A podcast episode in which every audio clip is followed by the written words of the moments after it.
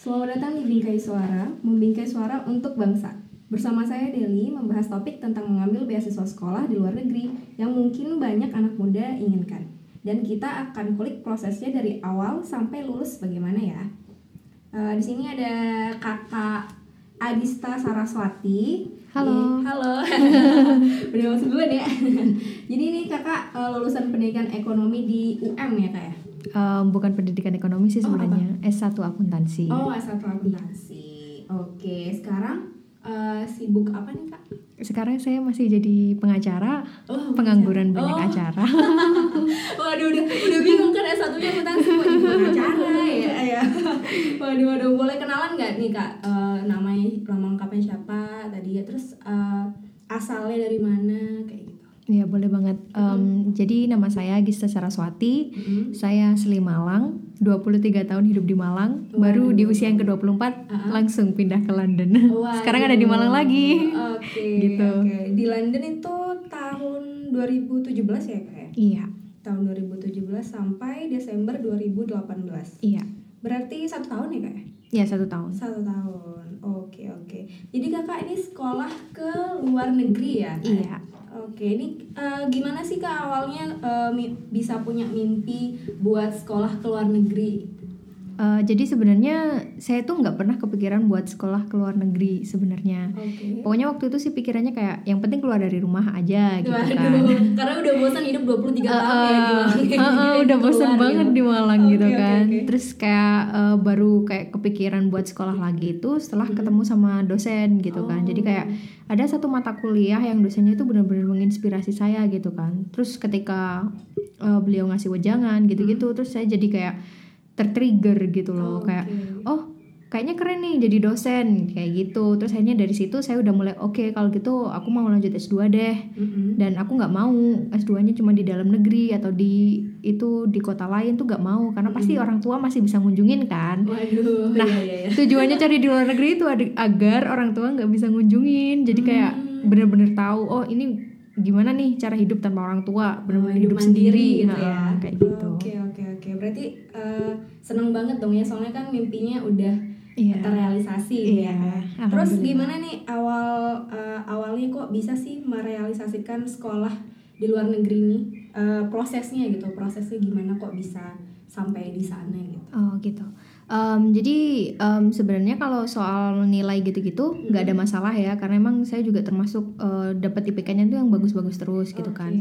Jadi langkah selanjutnya yang saya ambil adalah dengan research. Hmm. Satu hal yang sangat penting ketika kamu ingin kuliah di luar negeri atau kerja di mana pun tuh yang penting research. Hmm. Jadi kayak saya nih, saya pengen kuliah di luar negeri, saya cari tahu kira-kira beasiswa apa aja sih yang tersedia, Oh. terus ke mana aja gitu. Hmm. Nah waktu itu tuh saya nemu um, Chevening itu beasiswa pemerintah Inggris, beasiswa pemerintah Turki, beasiswa pemerintah Jerman atau di AAD, terus beasiswa pemerintah Korea atau KGSP, sama LPDP ini yang terakhir gitu. Nah dari situ saya coba ta- cari tahu nih di blog-blog, di website-website kayak Iya. gitu.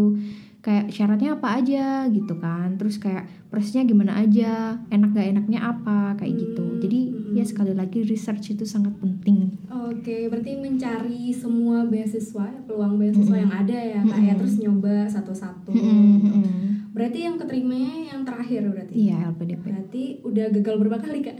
Eh, gagalnya sih cuman sekali Oh, aja. cuman sekali. Heeh. soalnya yang lain-lain tuh kayak cuman oh buat sekedar tahu doang. Oh, Setelah gitu. tahu syaratnya gitu kok aku pikir kok kayaknya aku nggak mampu deh melalui syarat yang ini. Jadi aku yang Hmm. kira-kira sesuai ability aja dan itu satu-satunya cuman LPDP kayak gitu. Oke, oke. Kalau eh, boleh tau nggak sih nih, Kak, standar yang harus dipenuhi untuk bisa eh, keterima beasiswanya eh, di luar negeri gitu, sekolah di luar negeri? Oke, yang pertama pasti bahasa ya. Hmm, Maksudnya nggak cuman bahasa Inggris aja. Kalau misalnya Hmm. kamu pengen ke Jerman juga harus bisa bahasa Jerman. Pengen ke Jepang atau Korea harus bisa bahasanya gitu kan. Mm-mm. Jadi yang paling penting tuh bahasa. Yang kedua adalah nilai atau IPK. Mm-mm. Terus yang ketiga adalah organisasi biasanya. Oh, penting juga ya berarti Ha-ha, organisasi itu ya? sangat penting. Salah satu Hmm. kriteria penting. Terus yang terakhir attitude itu sih. Attitude ya? Oh, berarti banyak ada tesnya gitu nggak sih kak? Kalau misalnya eh, daftar sekolah beasiswa gitu? Iya, Ada ya? selalu ha, semuanya kayak ada seleksinya gitu dan Hmm. rata-rata beasiswa itu seleksinya merit based. Merit based itu artinya eh, mereka itu milih anak dari yang IPK-nya bagus, Oke. prestasinya bagus, organisasinya bagus, attitude-nya bagus, kayak gitu-gitu. Hmm, siap siap siap. Eh, terus apa ya? Eh, gimana sih kak rasanya eh, bisa eh, mengembalikan spirit supaya nggak padam gitu kak? Di tahun pertama kan pasti kayak eh, gimana ya kayak masih canggung-canggung Mhm. mungkin kan awal-awal di sana kan soalnya kan Mhm. suasananya baru terus lingkungannya juga beda banget kan pasti Mhm. sama Indonesia gitu.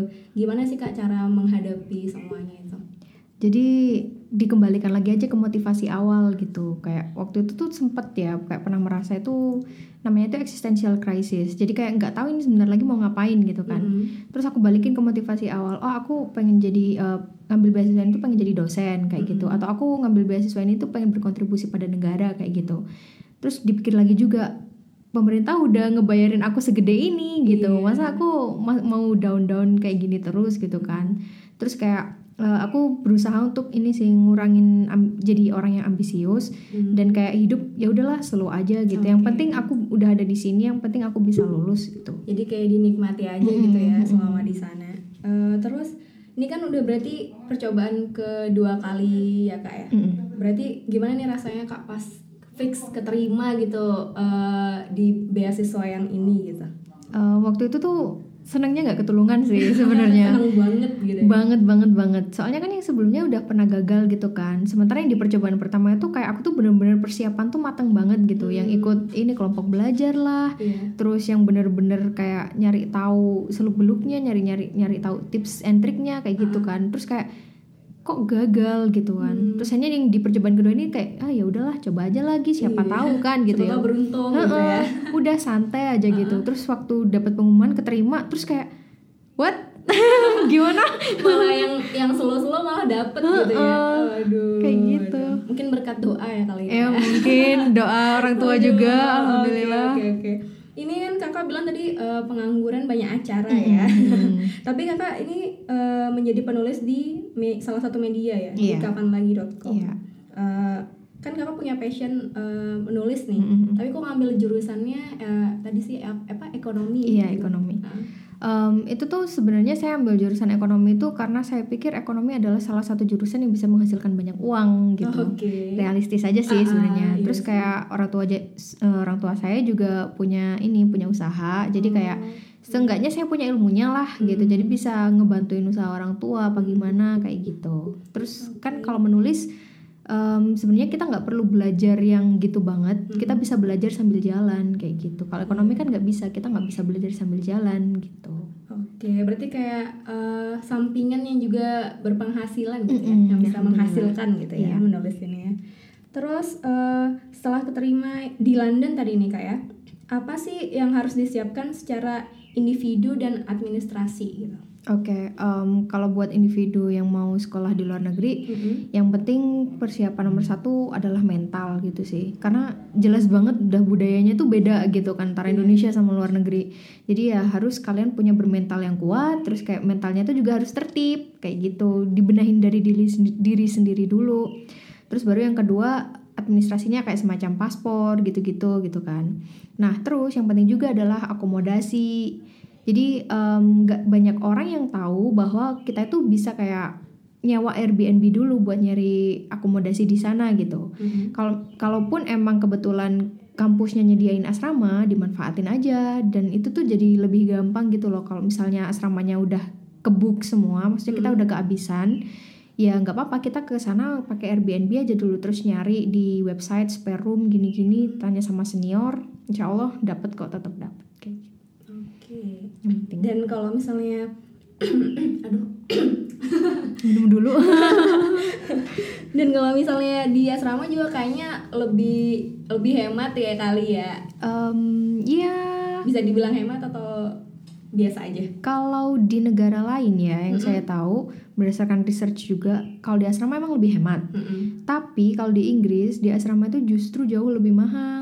Oh ya? Heeh, karena ada pilihan akomodasi yang jauh lebih murah daripada asrama kayak gitu. Oh gitu, iya iya iya. Berarti pas di sana di London itu di asrama atau gimana? Eh, saya tinggal bareng orang lain sih Oh, di satu gitu. rumah gitu di flat. Berarti pas sampai di London tuh menemui siapa gitu? Eh, kalau di London waktu itu saya nggak ketemu siapa-siapa. Oh, ketemu Jadi siapa ya? iya itu tuh eh, waktu pertama kali datang ke London tuh saya tuh benar-benar kayak asing banget gitu loh. Udah berangkatnya sendiri, nggak ada yang jemput, nggak ada temen gitu kan kayak benar-benar buta dan benar-benar ini tuh gimana di London tuh kayak gimana gitu kan. Untungnya sem- sempet research dulu dikit, tapi tuh ternyata nggak cukup gitu loh. Ternyata tuh kayak wah ternyata hidup di London tuh susah juga ya buat orang yang benar-benar awam kayak saya gitu. Apalagi saya kan dari kota kecil gitu kan.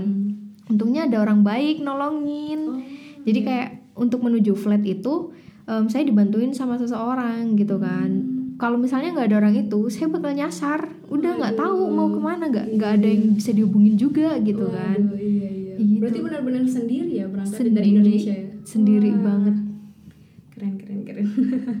Terus eh, hal yang harus dilakukan untuk awal administrasi di kampus nih kak apa? Em, jadi waktu itu namanya enrollment kan. Kalau waktu kita pertama masuk, kalau istilah Indonesianya itu kayak daftar ulang gitu. Oh iya. Nah, di sana itu yang dibutuhin cuman ini kayak semacam form pendaftarannya aja, terus kayak LOA atau letter of acceptance. Terus udah deh, nanti ini disuruh foto, dibikin student ID card, udah selesai gitu. Segampang itu gitu loh. Kalau di sini kan kayak kita tuh harus bawa fotokopi jasa, fotokopi kayak akte, fotokopi kakak. ya. Di sana tuh nggak Berkasnya. usah, cuman form gitu aja. LOA udah selesai. Wah. 5 sip, menit sip. student ID card jadi. Oh, bedanya itu ya Indonesia sama London ya. Jauh bedanya. lebih enak di sana berarti ya Iya. kalau akses kayak gitunya. Terus kan tadi kalau misalnya baru pertama kali menginjakan kaki di London tuh masih bingung atau gimana gitu ya. Tapi pas feel hari pertamanya kuliah di London nih kak gimana?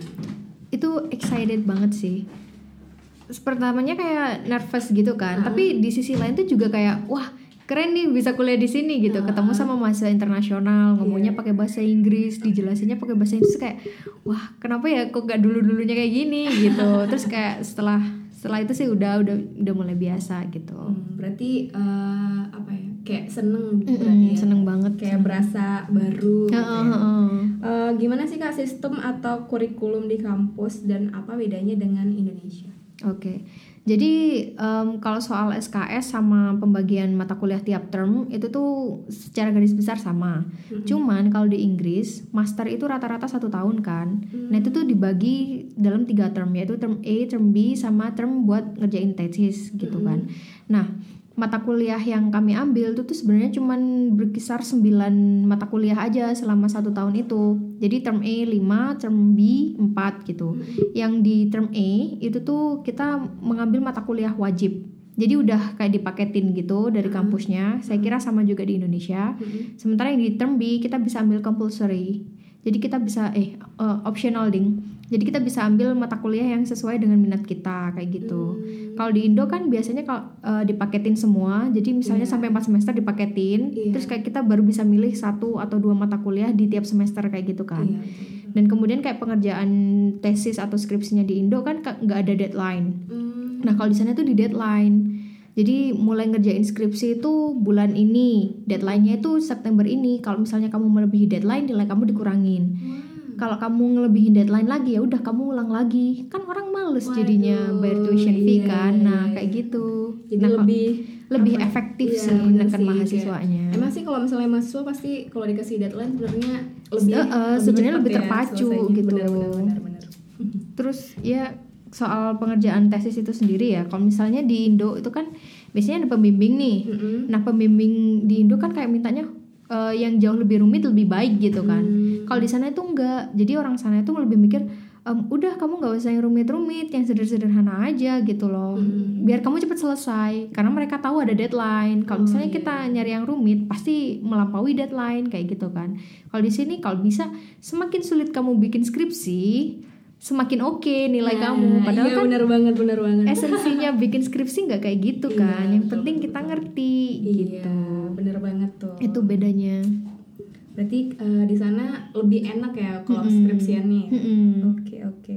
Terus gimana nih kak eh culture-nya sama murid lainnya secara sosial nih menurut kakak? Apakah orang-orangnya asik-asik? Terus dari budayanya kita sama budaya mereka tuh kira-kira dari perbedaan itu gimana gitu kakak menangga- menanggapinya? Oke, Em, jadi eh, satu kelas itu isinya itu kan macam-macam banget ya. Namanya juga international students. Oke. Jadi ada yang anak British asli, ada yang dari negara lain, Cina, contohnya Vietnam, dari em, Thailand, kayak gitu-gitu.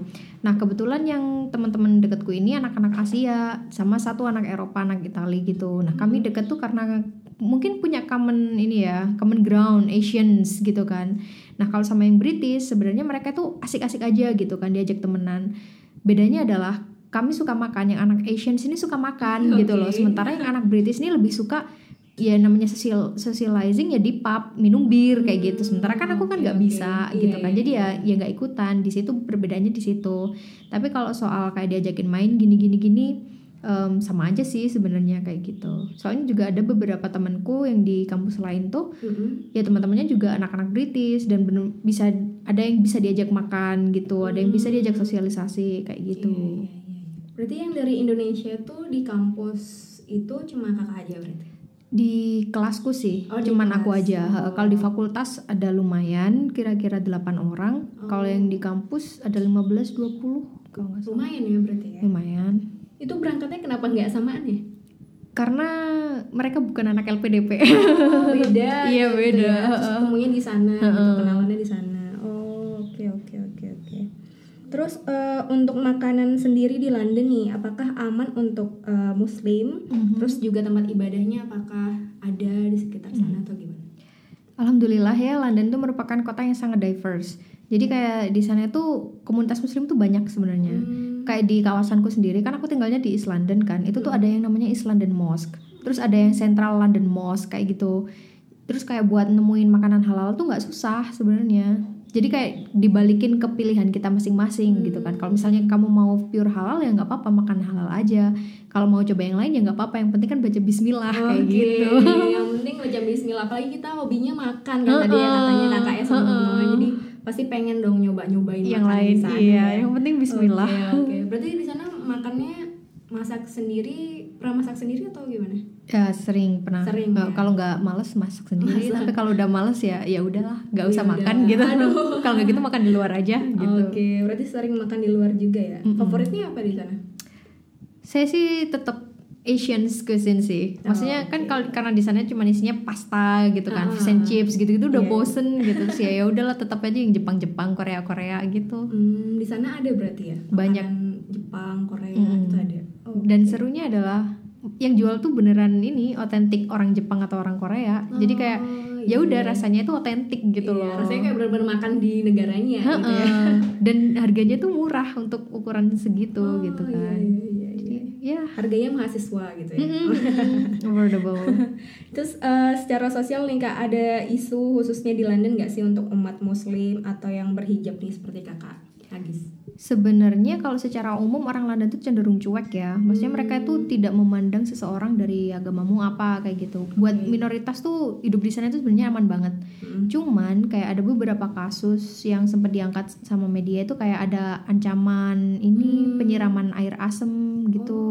Penyiraman air keras itu pernah kok.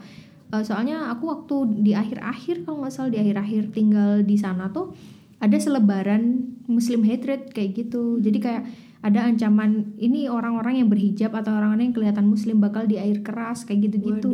Tapi untungnya ya kayak orang-orang London tuh aware gitu loh soal hatred kayak gitu. Jadi mereka tuh sama-sama membangun gimana sih caranya kita bikin lingkungannya kondusif agar hal ini tuh tidak terjadi kayak gitu. Oke, berarti orang-orangnya eh, tingkat kepeduliannya tinggi ya Uh-uh, di sana ya. uh-uh. Oke oke. Terus kan kakak dapat beasiswa nih, tapi eh, katanya kakak sempat bekerja menjadi waiters. Iya betul ya. Iya. Itu alasannya kenapa tuh? Apa karena kurang kerjaan sana? Terus carinya cari kerjaan, dapetnya di waiters tuh gimana tuh ceritanya? Eh, jadi ceritanya gini, em, sebenarnya kalau uang, uh, eh, uang, uang dari LPDP itu cukup cukup aja sih ya, Oke. maksudnya buat hidup sebulan tuh sangat Mm-mm. mencukupi malah. Cuman namanya mahasiswa ya, kadang tuh saya tuh bosen aja gitu kan di Hmm, rumah, terus kayak iya. ya udahlah nyari pengalaman jadi volunteering di satu tempat gitu, volunteering di tempat lain lagi gitu, terus Mm-mm. kayak suatu saat saya tuh juga punya kepikiran wah saya pengen nih kayak keliling Eropa gitu gitu gitu gitu kan.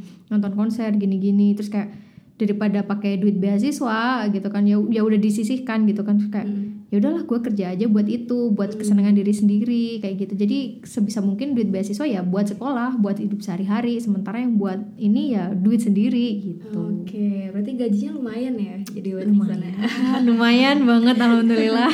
Tapi tempatnya enak ya di tempat kerjanya, maksudnya nggak apa kerjanya berapa jam gitu nggak capek Oh. atau gimana gitu.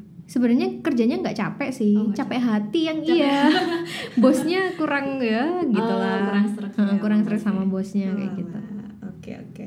Terus kalau boleh tahu nih aktivitas kakak selama menjadi mahasiswa sampai lulus nih apa aja gitu?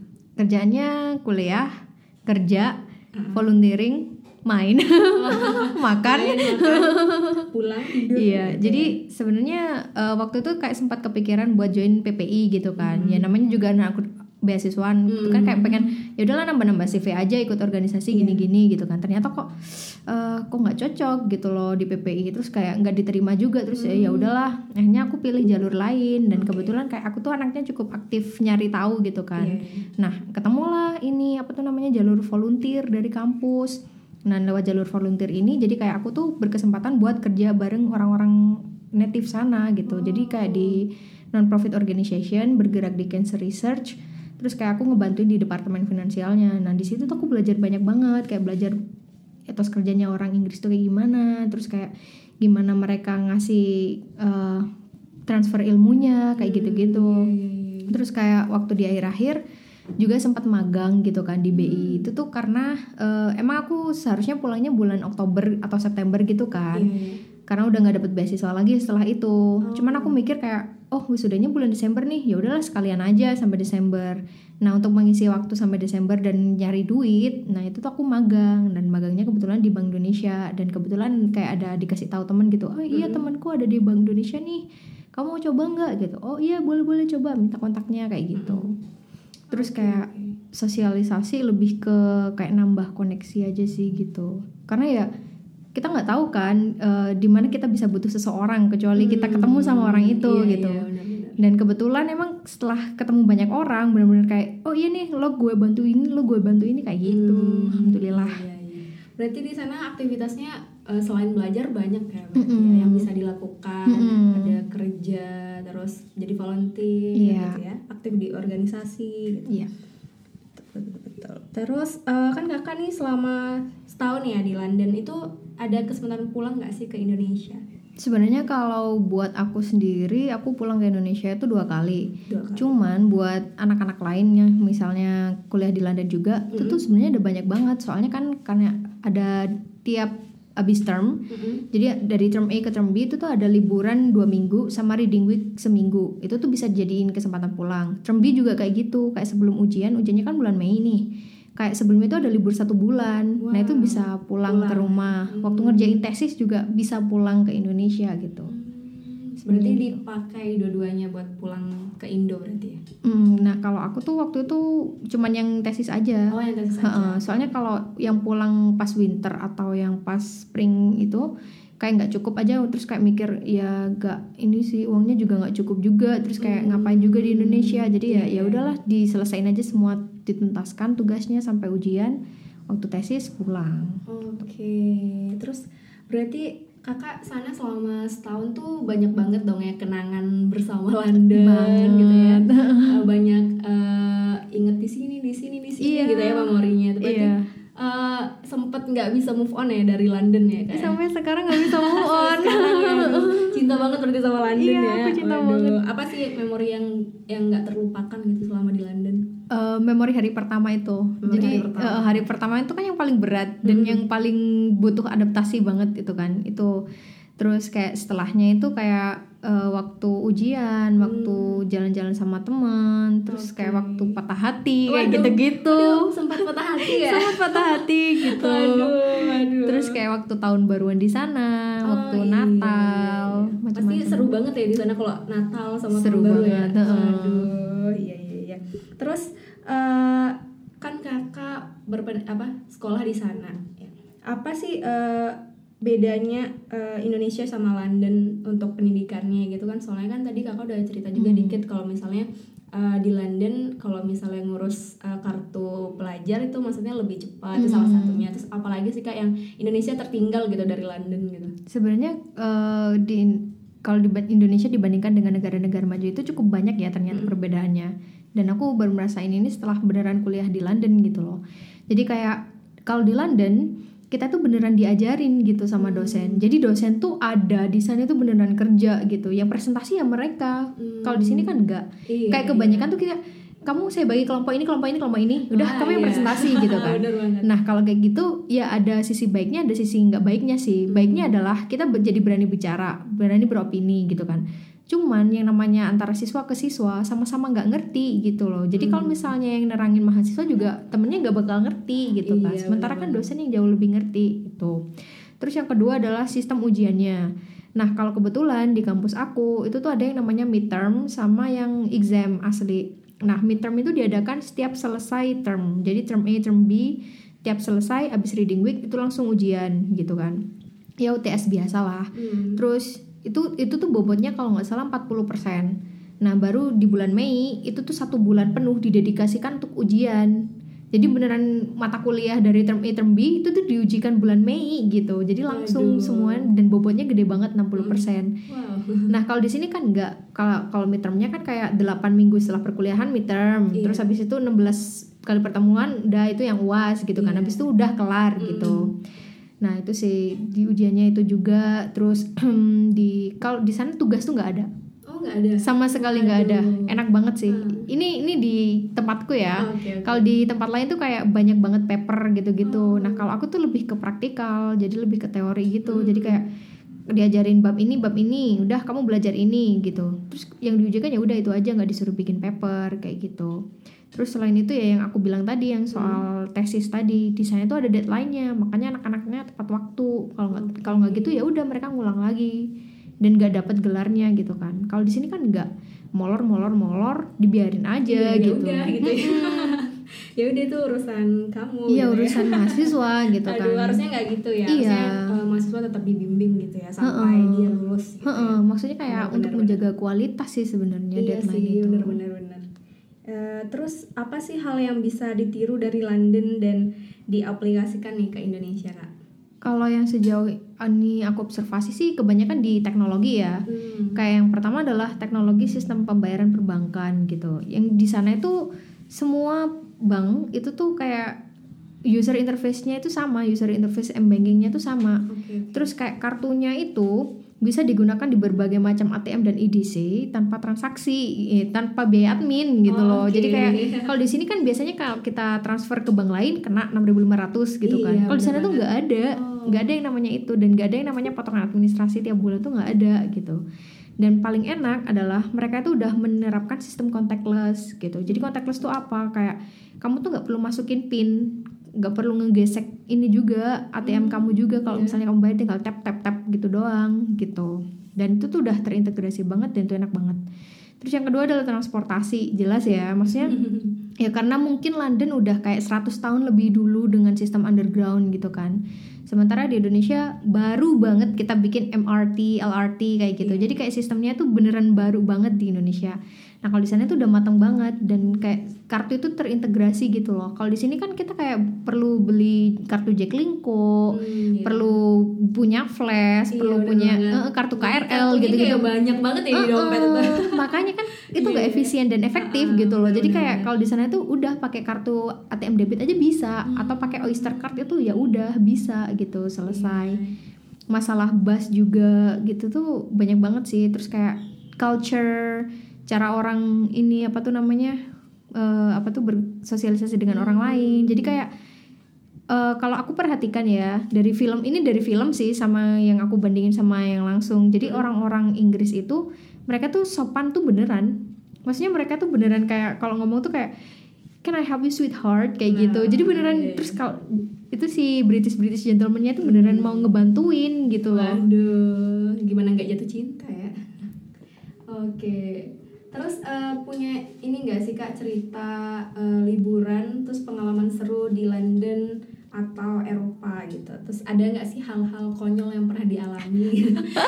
Soalnya kan London sangat membekas gitu ya Iya, di iya, iya, hati iya. gitu ya. Iya, iya, Kira-kira iya, apa iya. sih hal-hal konyolnya gitu? banyak banget Banyak banget ya. kayak aku tuh sering banget melakukan kesalahan gitu loh Waduh. jadi eh, waktu yang pertama kali datang tuh kan sebenarnya aku udah dikasih tahu nih sama temen eh kamu download lah City Mapper kayak gitu gitu kan udah aku download nih. Tapi tuh aku nggak tahu cara ngutilisasinya gimana. Makanya aku sampai cari rumah tuh kesasar banget gitu kan.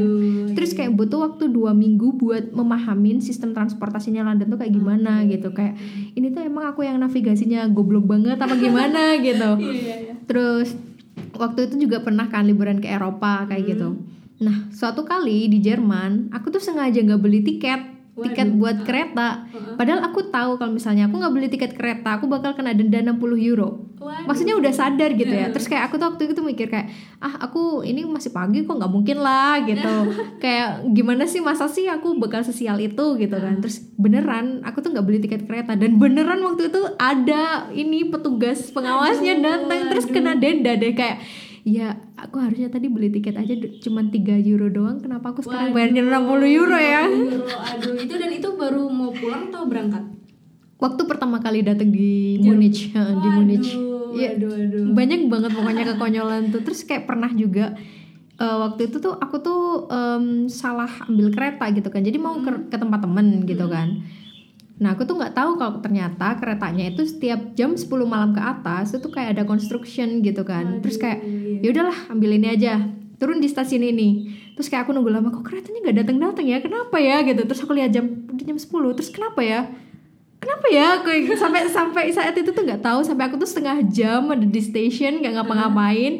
Terus kayak baru setelah setengah jam nggak dapet dapet kereta tuh kayak ya udahlah ambil kereta ini aja. Terus waktu sampai di rumah temenku aku bilang kok aku nggak dapet kereta ya? Loh kamu lupa kan setiap jam 10 ke atas tuh construction dari stasiun ini sampai ke stasiun ini. Oh my god! Waduh, waduh. Ya gitu lah Itu sendiri ya?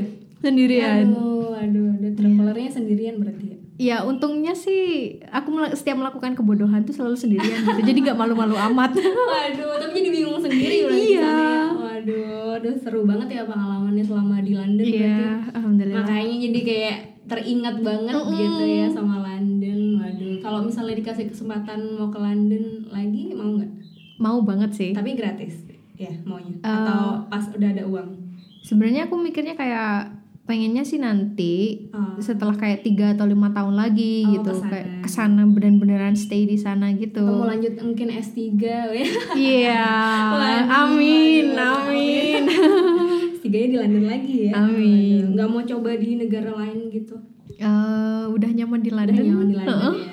Aduh, berarti seneng banget sama London. iya Oke deh. Buat terakhir nih kak ya, Iya. eh, pesan-pesan buat teman-teman yang mau sekolah di luar negeri, terus sama ada yang pingin disampaikan nggak sih kak? Eh, mungkin ada yang tadi terlewatkan gitu. Oke. Em, jadi buat teman-teman nih yang mau sekolah di luar negeri, yang penting adalah research, oke.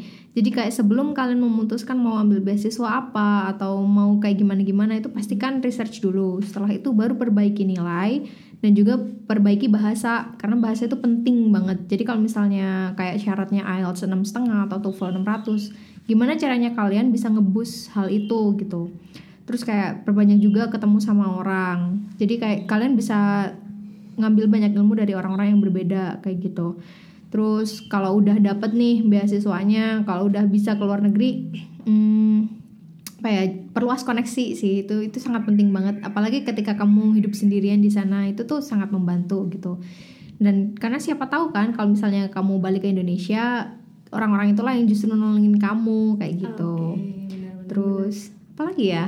Em, ya udah deh semangat aja. Semoga kalian semuanya scholarship hunter kayak em, dapat rezeki dan bisa jadi dapat kesempatan yang sama kayak saya kayak gitu. Oke. Ya kalau ada apa-apa silakan hubungi Ya, hubungi kontak di bawah. kontak di bawah ini. Gak ada yang di bawah. Oke, makasih ya buat Kak Agista ya Iya. Kak ya. Itu pengalamannya eh, yang pasti eh, makasih lah buat sharing pengalamannya. Iya. Aduh, keren banget kasih. pokoknya keren banget. Semoga eh, nanti bisa balik ke London lagi. Amin.